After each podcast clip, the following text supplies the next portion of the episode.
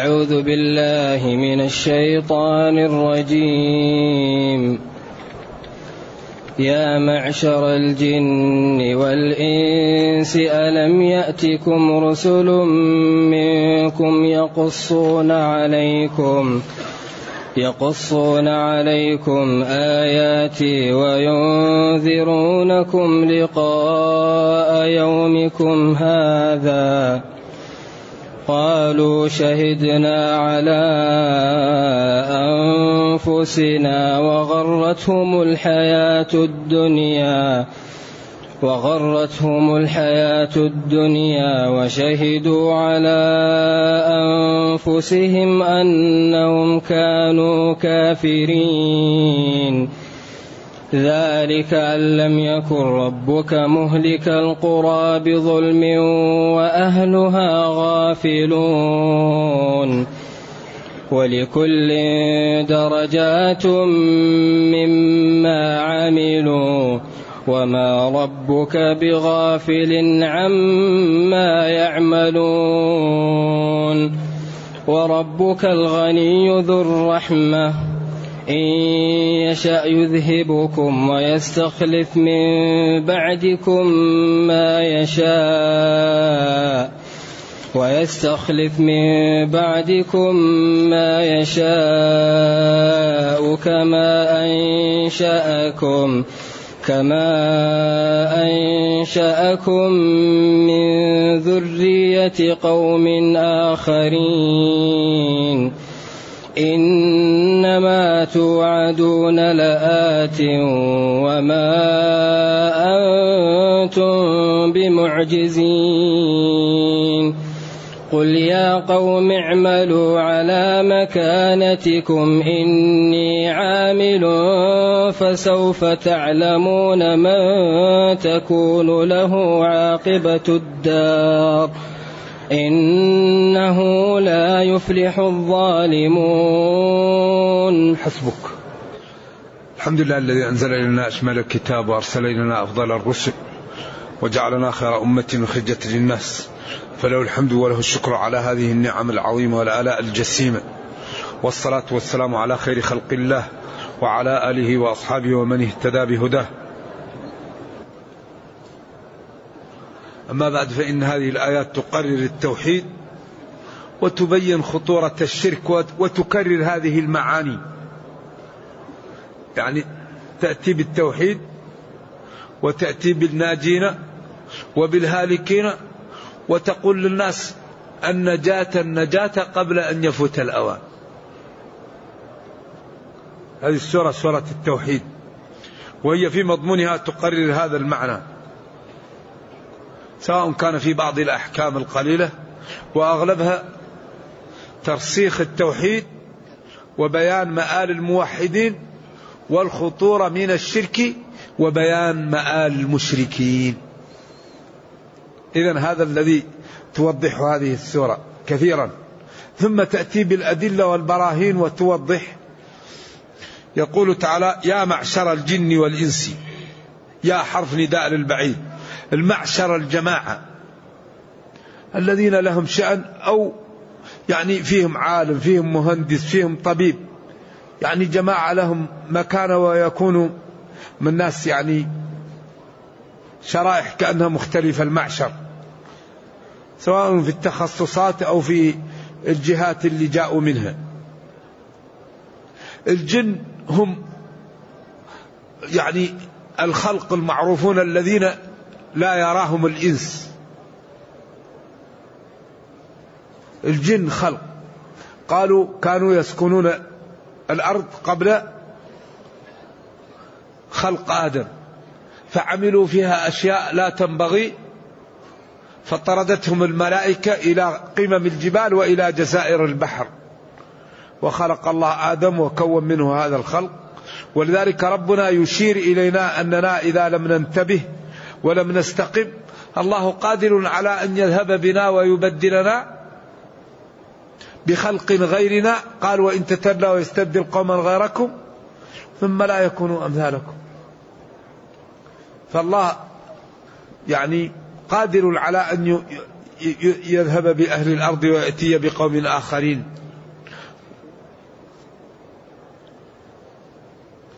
والإنس هم بنو آدم سموا إنس لأنهم يأنسون أو أنهم ينسون أو لأن الإنسان يأنس.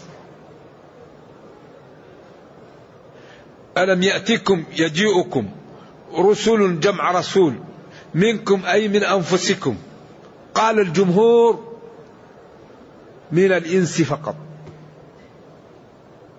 أما الجن فالنصوص ليست واضحة بإرسال الرسل منها وإنما هي عامة أو مجملة. وقيل جاءهم رسول يسمى يوسف من الجن. ولا أعرف شيئا يثبت أنهم ليس منهم رسول أو أن منهم رسول. لا أعرف نصا ثابتا نصا نصيا وإنما هي عمومات تدل على أن منهم رسول وعمومات تدل على أن ليس منهم رسول. أما النصوص النصية لا أعرفها. في أن منهم أو ليس منهم. وظاهر العمومات تقضي أن منهم رسول وهذا اختيار ابن جرير وإن كان ابن كثير أبعد ذلك. قال إنه يقصون يتلون. عليكم آياتي. عليكم أيها المخاطبون من الإنس والجن. آياتي أي آيات الله. وهي الحجج والبراهين الموجودة في الكتب المنزلة ويدخل فيها أولا القرآن.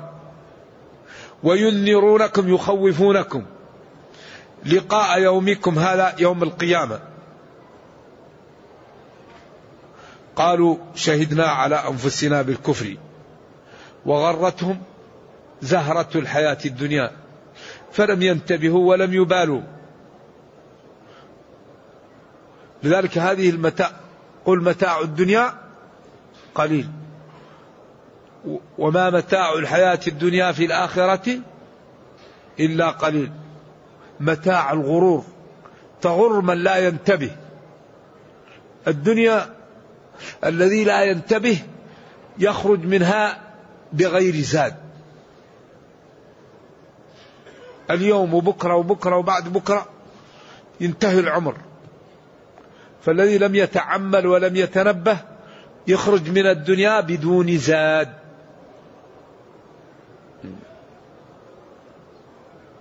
وغرتهم الحياة الدنيا. قلنا إن المال والناس والشيطان والنفس معوقات في طريق الله عن النجاة. هذه الأربعة تعوق الإنسان عن السير إلى الله. المال. إذا امتلأ قلب الإنسان من حب المال رابا. وباع بالغرر والنجش وبالجهالة. وأخذ مال الأيتام والفقراء وطفف الكيل والميزان وغش لأن قلبه امتلأ من حب الدنيا فبقي كل شيء مؤخر والدنيا مقدمة. فكل شيء يبيع لأجل الدنيا لأن قلبه امتلأ من حبها. أما الذي في قلبه الخوف يعلم أن الدنيا فانية وأن متاع الغرور ولا ولا يغش ولا يكذب ولا يبيع بالغرر ولا بالنجش ولا بالربا ولا يظلم الأيتام والضعاف. كم من يتيم أخذ ماله؟ كم من فقير سلب ماله. كم من واحد طفف له الكيل والميزان وبيعت له بضاعة مغشوشة من واحد امتلأ قلبه من محبة الدنيا. فهان عليه كل شيء في, في, في إيجاد المال الكثير. أهم شيء يزيد المال. إذا الحلال ما حل في اليد. والحرام ما حرمت منه هذه كارثة هذا مشكل لذلك خطورة الحرام أنه يمحق ويحرق. الحرام يمحق يمحق المال ويحرق صاحبه يوم القيامة.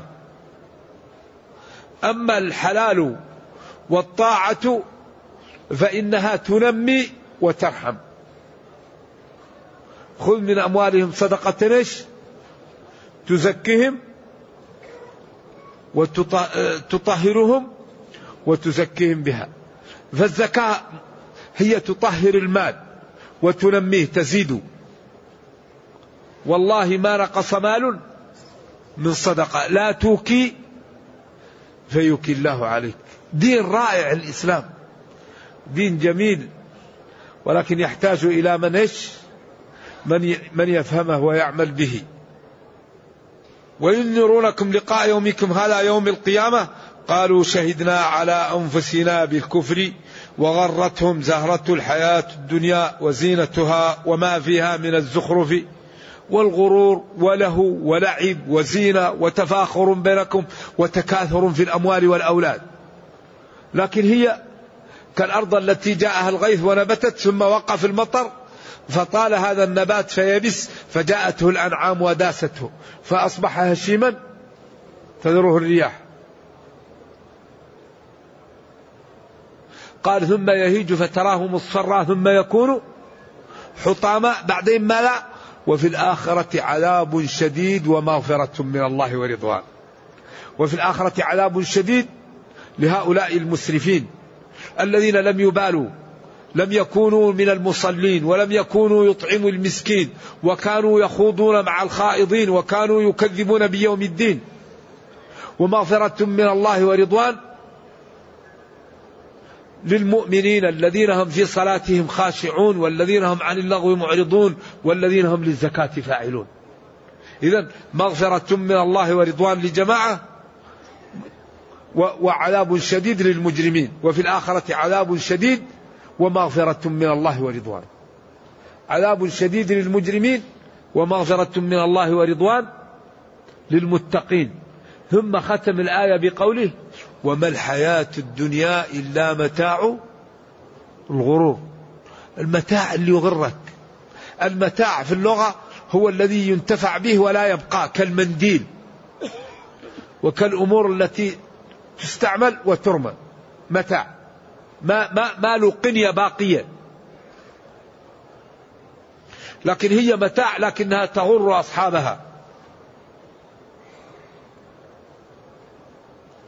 إذا غرتهم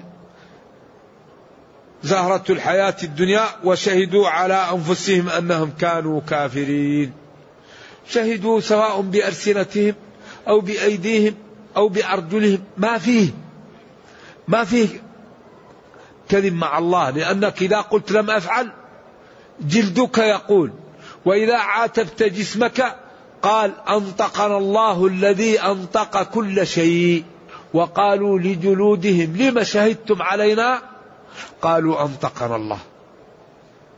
أب الله عليكم. من هذه صفاته يعصى. من هذه صفاته لا يتأمل فيما أوجب ويمتثل. من هذه صفاته تنتهك نواهيه. وقالوا لجلودهم لم شهدتم علينا؟ قالوا أنطقنا الله. إذا لا مهرب. ولا منجاة إلا بالصدق. لا لا ينجي إلا الصدق. لا ينجي إلا الاستقامة. لا ينجي إلا الامتثال ما في المنافق قد يسلم من الناس ويسلم من العقوبة ويجد مآربه في الدنيا لكنه في الدرك الأسفل من النار. لأن الله لا تخفى عليه خافية. وهو أراد أن يكذب على الخلق وأن يظهر ما لا يبطن فالله تعالى يعامله بما في قلبه.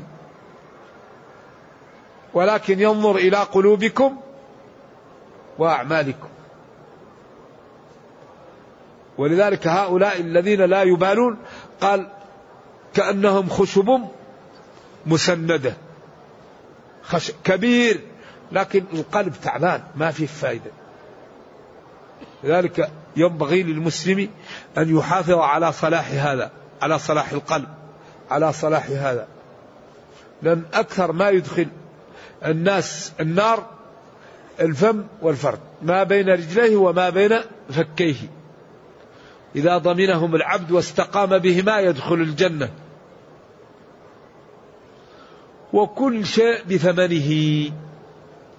لما خلقنا الله كل شيء بثمنه وكل شيء موضح وكل شيء معروف حكمه. فكل واحد ينظر لنفسه ما الذي يريد ويذهب للطريقة التي توصله إليها.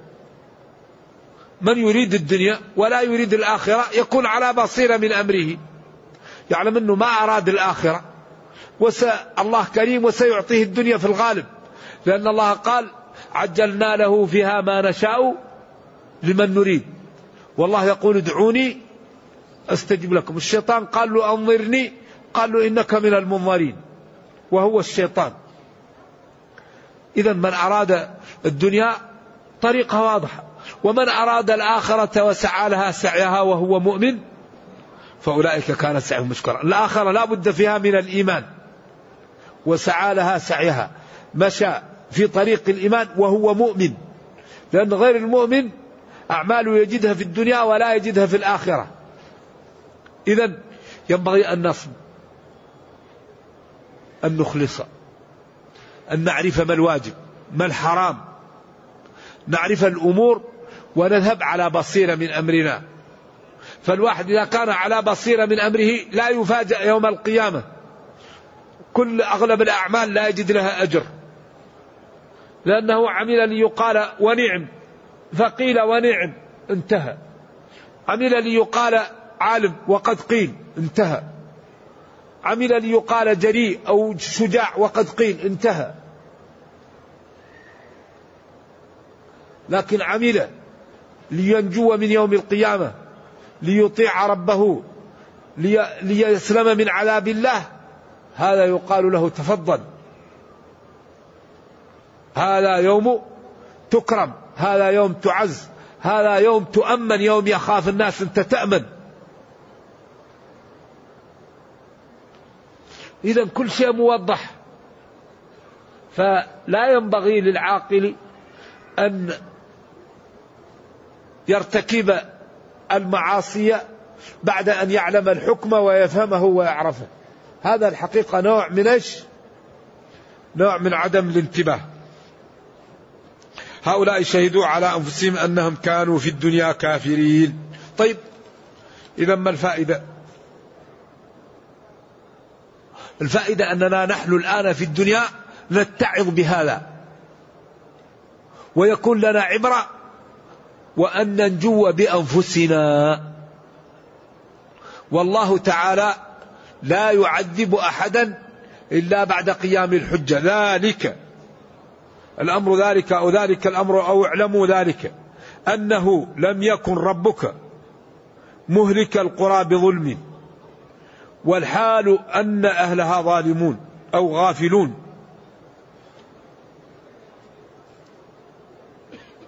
هذه الآية فيها قولان للعلماء. ذلك الأمر ذلك أو ذلك الأمر أن الله جل وعلا لم يكن لم يكن ربك مهلك القرى بظلم. الله تعالى لا يهلك القرى ظالما لها. هذا القول.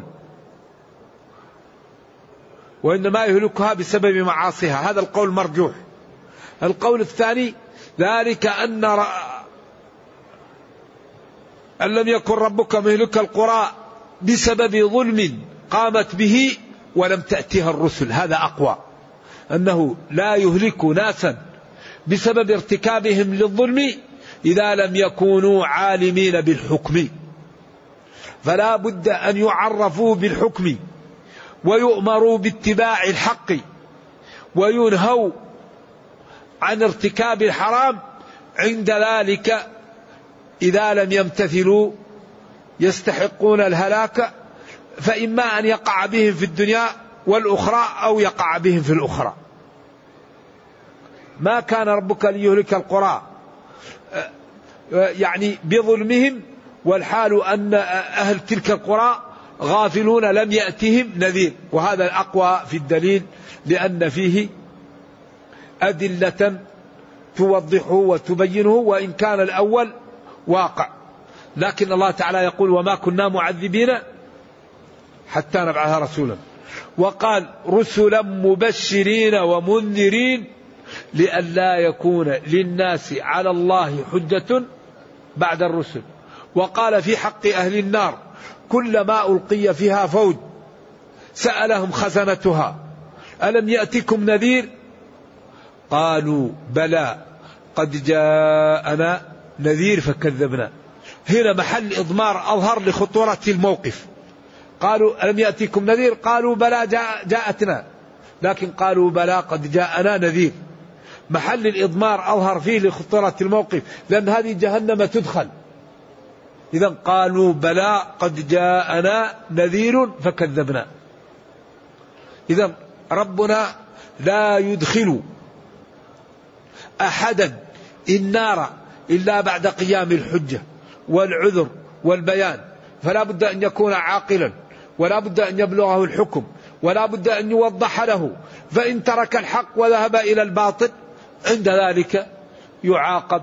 ولذلك قال ربنا ألم نجعل له عينين ولسانا وشفتين وهديناه نجدين. هذه طريق الخير وهذه طريق الحق. وامتن على الخلق وقال لهم وجعل لكم السمع والأبصار والأفئدة لعلكم تشكرون. أعطاكم موارد العلم لشكر الله أعطاك نعمة البصر. أعطاك نعمة السمع. أعطاك نعمة الذوق أعطاك نعمة العقل. نعم نعم. وإن تعدوا نعمة الله لا تحصوها. أعطاك هذه النعم لتشكر ربك بها. فتنظر فيما حل وتسمع ما حل وتتكلم بما حل وتفكر فيما حل. وأن لا تجعل هذه النعم وسيلة لمعصية الله تعالى. والله بيان لا وراء وراءه.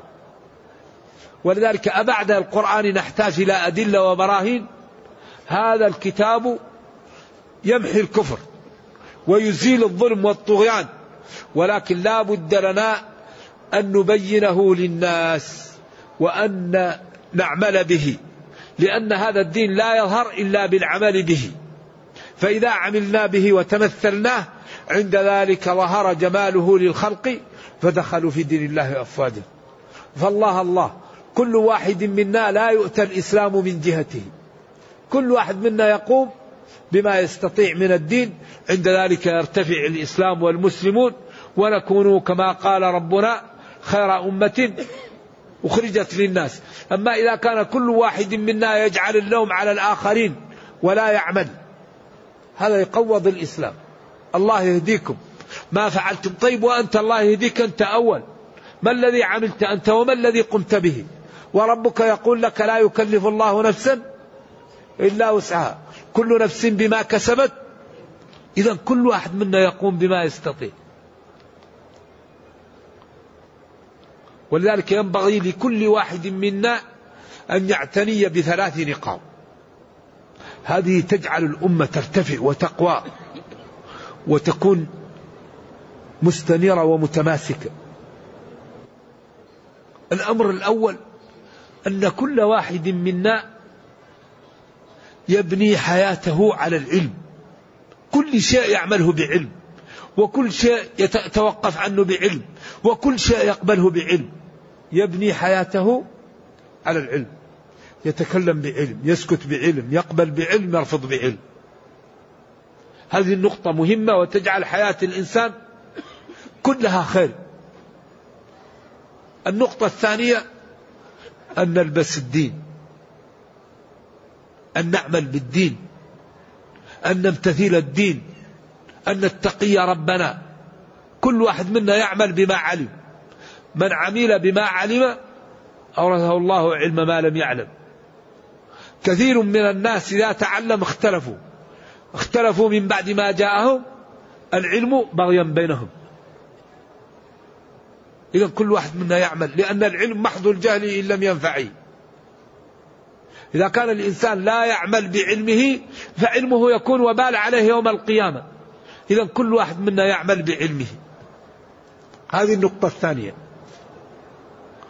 النقطة الثالثة أن كل واحد منا يهتم بالبرامج. البرامج. يكون عنده نظام لحياته. كيف نحفظ؟ كيف نتقي؟ كيف نبر بوالدي؟ كيف نساعد جيراني؟ كيف نعمل لي مشروع للمحتاجين من الأمة المسلمة؟ كيف لا نترك في حي اثنين متقاطعين؟ يعني نترقى في الخير. برامج برنامج يومي برنامج أسبوعي برنامج شهري برنامج سنوي. عندي برامج نترقى في الخير. كيف نكون إنسانا مصلحا؟ كيف نكون تقيا؟ كيف نكون غنيا شاكرا؟ كيف نكون عابدا؟ كيف نكون عالما؟ كيف نكون محبوبا؟ يعني كل الفضائل. كيف نكون مجمع الفضيلة؟ كيف نترك لي بصمات لديني ولأمتي قبل أن نموت؟ بهذه النقاط الثلاثة الإنسان يترقى. بعدين هذه الدنيا تعطيك ما تعطيها. أنت وما تريد. تريد كل خير اشتغل. وقم بالأسباب واسأل الله. تريد أن لا تكون شيئا نم في البيت ولا ولا تبالي. ولذلك يعطيك الحياة تعطيك إيش؟ ما تعطيها. قانون إيش؟ معاوضة. تبذل تربح. تنام تخسر. لولا المشقة ساد الناس كلهم. إن السيادة في اثنتين. فلا تكن يا ابن المشايخ فيهما بالزاهدين حمل المشقة واحتمال أذى الورى. حمل المشقة واحتمال أذى الورى. ليس المشمر للعلا كالقاعد. قل للذي طلب العلا بسواهما هيهات تضرب في حديد بارد. المشقة الصوم مشقة الصلاة مشقة بذل المال مشقة الصبر على أذية الناس مشقة غض البصر مشقة كف اللسان مشقة حمل المشقة واحتمال أذى الناس. هذا يسب هذا يشتم. تتحمل. جزاك الله خير. إذا من عمل هذا ساد الناس. لذلك نبينا صلى الله عليه وسلم ما انتقم لنفسه. ما انتقم لنفسه إلا إذا انتهكت حرمات الله. لا يغضب لنفسه أبدا. الرجل الذي جذبه حتى أثر فيه ضحك وأعطاه. والثاني قال قسمة ما أريد بها وجه الله. قال اسقي يا زبير. ويحك ومن يعدل إلا ما أعدل أن كان ابن عمتك؟ ما قال له يا خبيث أنا رسول معصوم. ثاني قال قال ويحك ومن يعدل إلا ما أعدل. لذلك هو أفضل البشر لما أعطاه الله من الصفات الحميدة وما زوى عنه من الصفات الذميمة فجعله. كما قال وإنك لعلى خلق عظيم. وأكثر ما يدخل الناس الجنة حسن الخلق.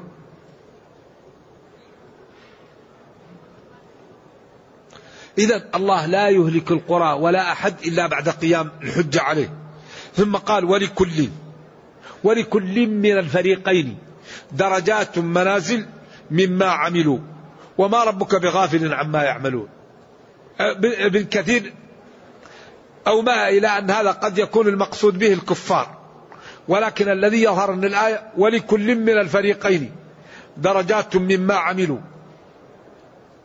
فالمتقون لهم درجات والمجرمون لهم دركات وكل واحد ينال عمله كما قال فريق في الجنة وفريق في السعير وقال يوم تبيض وجوه وتسود وجوه وقال للذين أحسنوا الحسنى وزيادة ولا يرهق وجوههم قتر ولا ذلة إلى أن قال جل وعلا والذين كسبوا السيئات جزاء سيئة بمثلها وترهقهم ذلة. كأنما أغشيت وجوههم قطعا وترهقهم ذلة إيش اللي بعد هذا؟ كأنما أغشيت وجوههم قطعا من الليل مظلمة عياذا بالله. عليها قترة وأولئك مسفرة ضاحكة مستبشرة. إذا القرآن كله هكذا وهكذا. ونحن الآن كل واحد يختار لنفسه ويرى الطريقة التي يريد فيسلكها. ولا عذر لأحد بعد هذا البيان.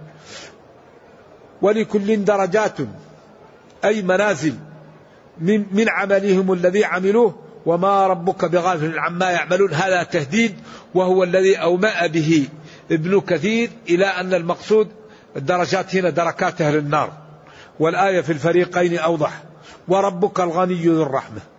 الله أكبر. وربك الغني الغنى المطلق كثير الرحمة لخلقه. فما الذي نريد؟ ربنا غني ورحيم. ما لا نريد في الآخرين العاجزين الذين لا يملكون لأنفسهم نفعا ولا ضرا ومن باب أحراء يملكون لغيرهم. ربك الذي أوجدك وأعطاك ما عندك من النعم لو عددنا إلى الغد لم نحصها. الغني الغنى المطلق. كل شيء بيده وبقدرته وما أراده يكون. والخلق عاجزون عن أن يتمثلوا الهواء في, في, في جسمهم. وأن يتمثلوا الأطعمة. فالله هو الذي يغذيهم ويطعمهم ويعطيهم ما يحتاجونه والخلق عاجزون. فهو الغني الغناء المطلق وهو كثير الرحمة يرحم المتقي والمجرم والعاصي في الدنيا. ولذلك رحمن الدنيا. يكفرون به ويرحمهم ويسبونه وينعم عليهم ويكذبون به وينعم عليهم. إن يشاء يذهبكم يفنيكم ويستخلف من بعدكم ما يشاء. ليس أنه يفنيكم واحد بعد واحد لا تأتيكم أمر ويهلككم جميعا وعلى طول ينشئ قوم آخرين. أمره إذا أراد شيئا أن يقول له كن فيكون. كما أنشأكم من ذرية قوم آخرين. كما أوجدكم بعد قوم آخرين أهلكوا سواء كانوا آباءكم وأجدادكم أو أنشأكم من ذرية قوم آخرين بعد أن أهلك القوم الذين كانوا قبلكم وهم الجن أو غيرهم من سكان الأرض. إنما توعدون لآت. إنما توعدون لآت. إن الذي وعدتم به من يوم القيامة ومن العذاب فيه لآتي لقادم. وما أنتم بمعجزين بفائتين ولا غالبين. فينبغي أن تبادروا بالتوبة وبالطاعة وبالإقلاع عن المعاصي قبل أن يحل عليكم غضب الله وتقعوا في الشقوة التي هي دائمة أبدية عياذا بالله. ثم قال قل يا قوم اعملوا على مكانتكم أي على حالتكم وطريقتكم إني عامل. فسوف في المستقبل تعلمون من تكون له عاقبة الدار إنه لا يفلح الظالمون. أي الأمر لا يفلح الظالمون. قل لهم يا نبي اعملوا. هذا أمر تهديد وتخويف. على طريقتكم التي أنتم عليها. إني عامل على طريقتي. فسوف تعلمون في المستقبل من تكون له عاقبة الدار من يكون الصادق من يكون له الجنة ومن يكون الكاذب ومن يكون في جهنم. إنه جل وعلا لا يفلح أي لا يفوز القوم الظالمون أي لا يأمنون من النار ولا يدخلون الجنة. إذا لا يدخلون الجنة بل يدخلون النار. لا يأمنون مما يخافون ولا يدركون ما يرغبون فيه. فالفلاح هو أن يأمن الشخص مما يخاف ويدرك ما يرغب فيه. وعدم الفلاح هو أن لا يأمن مما يخاف منه ولا يدرك بغيته. ولذلك قال جل وعلا فمن زحزح عن النار وأدخل الجنة فقد فاز. فالفلاح هو الفوز. إذا قال لهم أنتم استمروا على ما أنتم عليه وهذا فيه تهديد ونحن سنستمر على ما عليه وذلك أيضا فيه تهديد لهم وفي النهاية سيظهر من هو المحق ومن هو المبطل. ولذلك قدم على هذا أنهم قالوا إنهم شهدوا على أنفسهم أنهم كانوا كافرين. وهذا تحذير وتخويف لأهل الدنيا الذين لا زالوا على قيد الحياة أن لا يكونوا من الهالكين.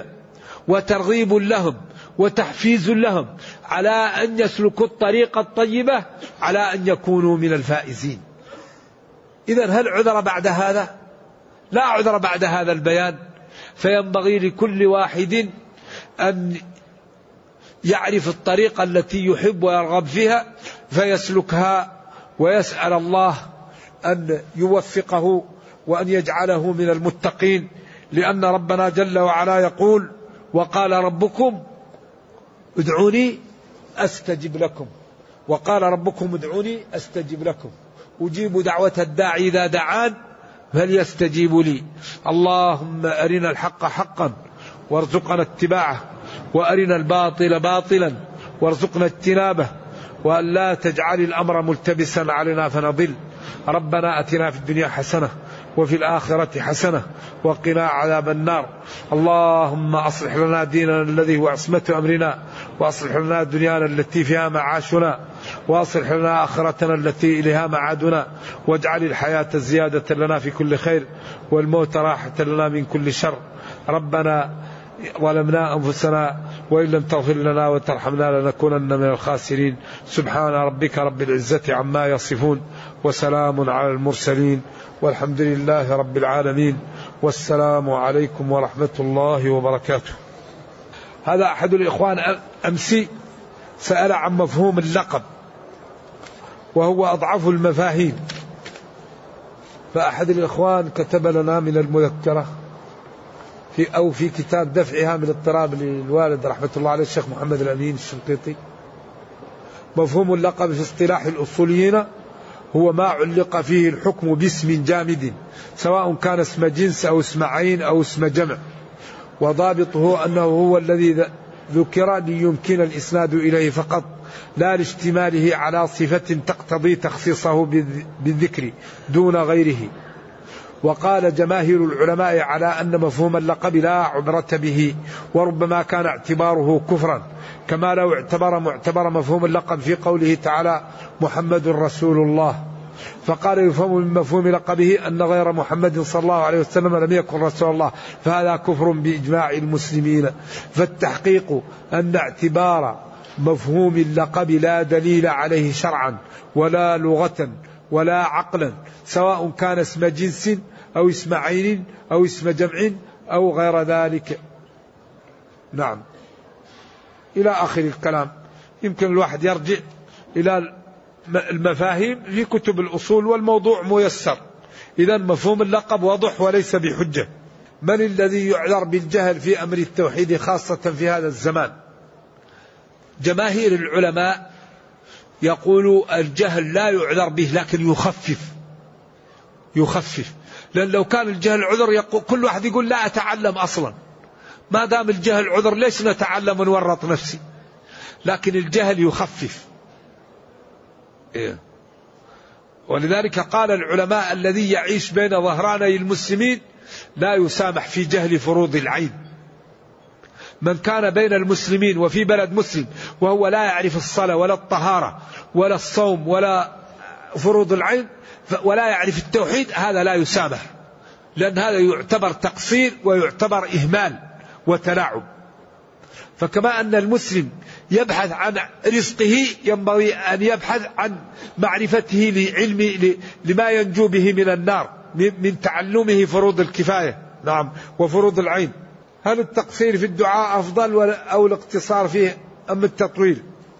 يا أخي مع الله أسأل الله وألح على ربك وطول في الدعاء وربك كريم وكل ما دعوته كل ما أعطاك وسؤال الله عبادة. نعم أمن يجيب المضطر إذا دعاه. وكل ما دعوت ربك يجيبك ويستجب لأحدكم ما لم يعجل. يقول دعوت فلم يستجب لي. ولا يسأل العبد ربه شيئا إلا أعطاه إياه. قال العلماء ربنا قالوا ادعوني. قال العلماء إما أن يعطيك سؤلك إما أن يعطيك السؤل وإما أن يرد عنك من الشر بقدره. وإما أن يدخره لك يوم القيامة في أحوج وقت إليه. أما يردك لا يردك ربك. ادعوني أستجب لكم. إما أن يعطيك السؤل. وإما أن يرد عنك من الشر بقدره وإما أن يعطيه لك يوم القيامة في أمس الحاجة إليه. هذا يقول ظهر اسم زوجتي في قوائم القرعة لحجاج العراق خلال هذا العام ولا يوجد لها محرم. هل يحق لها أن تحج مع بعض الأقارب من النساء عصبة نساء حيث لا يحق لي أن أحج معها كوني قد حججت قبل عامين مع العلم أنها من مواليد 66 و900 وألف للهجرة للعلماء في هذا قولان. قول إن المرأة من شروط الحج عليها المحرم. فإذا لم يكن عندها محرم لا يجب عليها الحج. هذا قول الإمام أحمد وجل من العلماء والرجل الذي قال كتبت زوجتي في خرجت للحج وكتبت في الغزو. قال انطلق فحج مع امرأتك.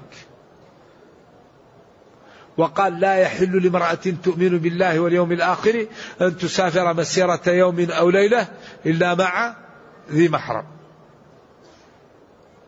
وفي نصوص صريحة في هذا. إذا المرأة التي لا محرم لها لا يجب عليها الحج.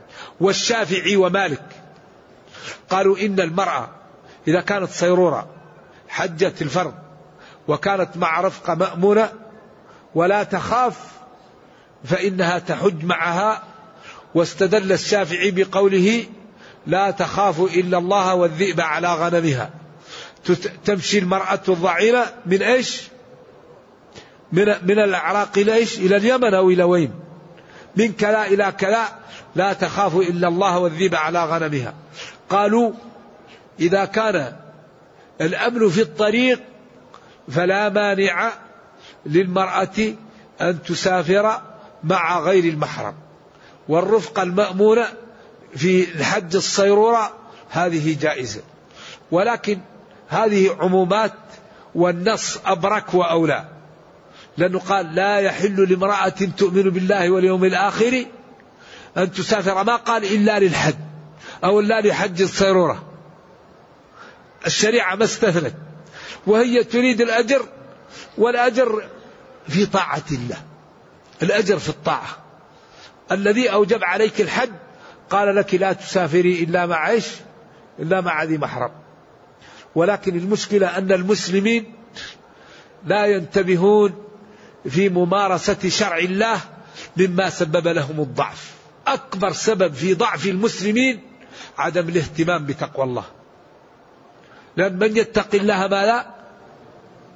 اجعل له مخرجا من أقوى المخارج أن يقوى المسلمون. المعصية تضعف. المعصية تسبب الفرقة. ولا تنازعوا فتفشلوا. فالخير في تقوى الله وفي امتثال أمر الله. نعم. يقول رب أسرة رب أسرة أدخل عليهم جميع طرق الفساد وقال لهم اتقوا الله ولا تركبوا الحرام. وهم منهمكون في الفساد ولا يستمعون له. هل يكونوا معذورين؟ أيهم معذور؟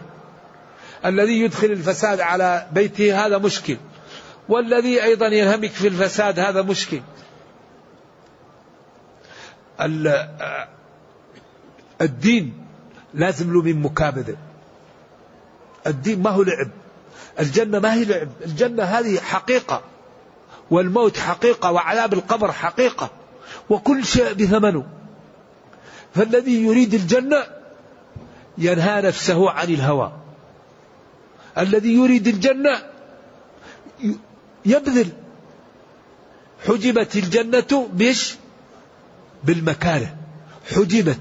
هذا لفظ الصحيحين عن أبي هريرة. حجبت الجنة بالمكاره قال العلماء من اقتحم حجبات المكاره دخل الجنة غض بصره قام ليله صلى نهاره أكرم والديه أكرم جيرانه ابتعد عن الحرام وعن الربا وعن الرشوة وعن الغرر وعن النجش وعن محارم الله وعن الغيبة وعن الكذب. كلها مكاره اقتحم حجبات المكاره دخل الجنة. ومن اقتحم حجبات الشهوات دخل جهنم. نظر كما يحلو له تكلم كما يحلو له خاض كما يحلو له شرب كما يحلو له. خلاص انهمك في الشهوات. اقتحم حجبات المكاره فأما من طغى وآثر الحياة الدنيا فإن الجحيم هي المأوى. وأما من خاف مقام ربه ونهى النفس عن الهوى فإن الجنة هي المأوى. وآفة العقل الهوى. فمن علا على هواه عقله فقد نجا. كل المشاكل من أن يعلو الهوى على العقل. إذا الذي يدخل لبيته الحرام ويدخل في بيته الشبه هذا يكون مسؤول يفسد أهله وتكون سيئاتهم عليه. قوا أنفسكم إيش وأهليكم؟ قوا قوا من وقاء. جنبوا أنفسكم وأهليكم النار بامتثال أوامر الله واجتناب نواهيه. ولدك يا أخي لا تضربه لا تأذيه أكرمه. لكن يريد حرام يا أخي؟ قل له لا. تبقى تجلس الله يحييك. تبقى الحرام شوف لك محل يا أخي. وبعدين؟ لا يمكن ينال الجنة من لم يكابد الدين. لا يمكن. والذين جاهدوا فينا. والذين جاهدوا فينا. لنهدينهم سبلنا. الدين الدين لازم له من الممارسة. الدين لازم له من صدق لازم له من عمل. أما الذي يريد كل شيء بالكلام وبعدين يريد أن يدخل الجنة بالكلام ما هو معقول؟ تتجافى جنوبهم عن المضاجع.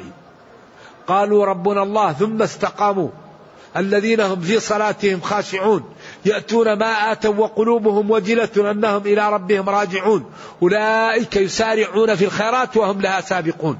ثم بين فضل هذه الشريعة وسماحتها وحسنها ولا نكلف نفسا إلا وسعها. ولدينا كتاب ينطق بالحق وهم لا يظلمون. الله أكبر. ما أجمل هذا الكلام. وما أعدله وما أحسنه. والله لا عذر لنا. فينبغي لكل واحد أن يعلم الطريقة التي يريد.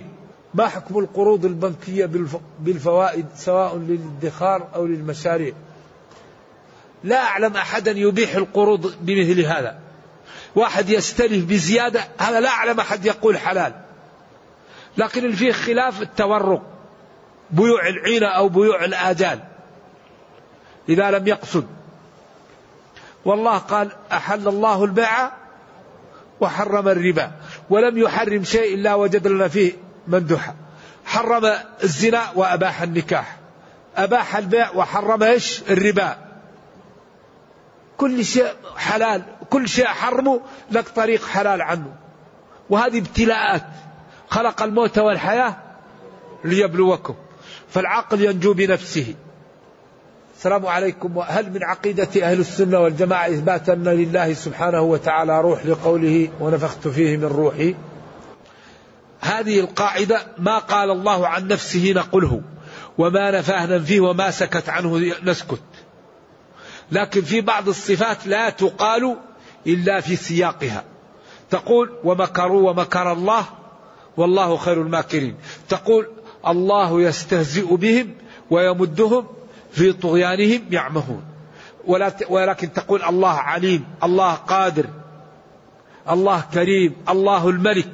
في بعض الصفات تذكر بمفردها لأن السلف ذكرها بمفردها. وفي بعض الأوصاف لا تقال إلا في سياقها. والمنهج أن ما قاله الله نقوله وما نفاه فيه وما سكت عنه الوحي نسكت عنه. هذا المنهج العام. ولذلك آه التنزيه مجمل والإثبات مفصل. قال ليس كمثله شيء وهو السميع البصير. وما تسقط من ورقة إلا يعلمها. ولو أن ما في الأرض من شجرة أقلام والبحر يمده من بعده سبعة أبحر وجعلنا البحار مدادا والأشجار أقلاما وضربوا في الحصاء لسكان أهل الأرض لجفت البحار وتكسرت الأقلام وما نفدت كلمات الله. ما خلقكم ولا بعثكم إلا كنفس واحدة. هذا الله. لا يقاس بخلقه والأرض جميعا قبضته يوم القيامة. فلا يقاس بالخلق ولا يقاس بالمخلوقات. هذا خالق السماوات والأرض الجبار. فلا يقاس بالخلق ولا ولا يجعل كالخلق وإنما يوصف بصفات الجلال والكمال ولا يوصف إلا بما وصفه به نفسه نفسه أو وصفه به رسوله صلى الله عليه وسلم. لأنه لا يصف الله أعلم بالله من الله ولا يصف الله بعد الله أعلم بالله من رسول الله. أنتم أعلم أم الله؟ فما قال عن نفسه نقله وما قاله رسوله صلى الله عليه وسلم عنه نقله وما نفاه ننفيه وما سكت عنه الوحي. نسكت. هذه هي طريق السلامة. أيهما أولى في الدعوة الإنذار أم التبشير؟ كلاهما. أنذر وبشر. حتى يكون المسلم بين الخوف والرجاء. ففي حالة القوة والنشاط نخوف وفي حالة الضعف والكسل نبشر. ولذلك لا يموت العبد إلا وهو يظن بربه خير. لأن القنوط واليأس هذا من الكبائر. فلا يقنط من رحمة الله إنه لا يأس من رحمة الله إلا القوم الخاسرون أو الكافرون. فالمسلم دائما بين الخوف والرجاء في حالة النشاط والقوة والحيوية يغلب جانب الخوف وفي حالة الضعف والمرض والكسل يغلب جانب الرجاء ويكون بين الخوف والرجاء. نرجو الله أن يغفر لنا ويرحمنا وربنا كريم كريم ولا ولا يهلك إلا هالك. ركعتين لا يحدث فيهما نفسه غفر له ما تقدم من ذنبه. سبحان الله وبحمده مئة مرة غفر له ما تقدم من ذنبه. قل هو الله أحد تعدل ثلث القرآن. الزلزلة. نصف القرآن. في حديث في ضعف. الخير كثير. وكل حرف من القرآن بعشر حسنات. نرجو الله جل وعلا أن يوفقنا وإياكم. نكتفي بهذا. السلام عليكم.